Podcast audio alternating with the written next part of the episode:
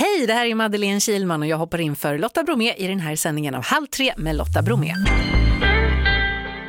Hej! Jag mådde leva, jag mådde leva. Grattis på födelsedagen! Tack så mycket, vilken eh, serenad. En soloserenad dessutom, det är modigt. Superbekvämt att sjunga inför dig måste jag säga. Du fyller 41 idag. Ja, vilken, vilken grej va? Vilken mil, milstolpe. Men du, apropå här att du är halvbritt. Har ni liksom det här med att drottningen gick bort förra veckan, är det något som har berört er? Det, det är ju många som har påpekat det här om att eh, oavsett om man är britt eller inte så handlade det väldigt mycket om att hon stod för en helt annan typ av era.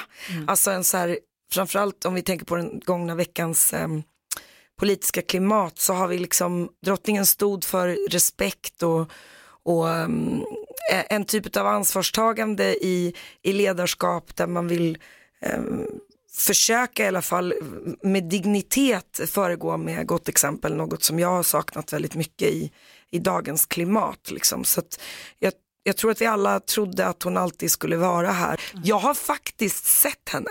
Hur, när då? Alltså helt otippat nog för ett par år sedan så var jag i London, jag och min brorsa vi går ner eh, i Hyde Park, liksom förbi eh, slottet och ser en, en, en ganska stor mängd människor, inte någon gigantisk mängd, men en ganska stor mängd människor som står längs den här gatan som leder upp till slottet och tänker så här, jaha, vad står de och väntar på? Och sure enough, i en, eh, ja det ser ut som Askungens eh, liksom, eh, vagn, så kommer Queen Elizabeth the, var det second? eller? Ja, det var det. Eh, Så kommer Queen Elizabeth II i sin guldvagn och vinkar. Eh, Hon hade precis öppnat parlamentet Mm. och var på väg tillbaka till slottet. Och vi står så här med munnen öppen och bara, eh, va, eh, folk tillbringar väl ett helt liv med förhoppningen om att få se henne. Och här står vi och är ute på en promenad och så händer det.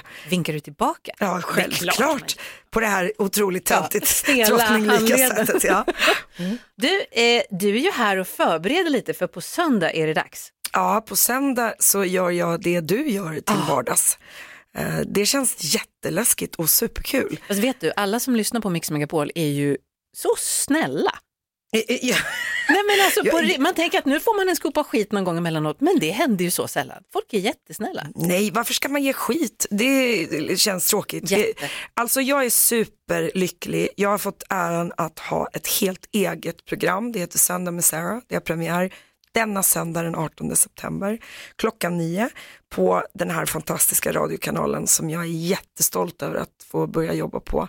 Eh, och det är utan tvekan en barndomsdröm. Om man någon gång har hört mig eh, sommar eller vinterprata så vet man att det finns klipp redan från tre års ålder där jag faktiskt spelar in mina första radioprogram. Så att jag, jag är sjukt pepp.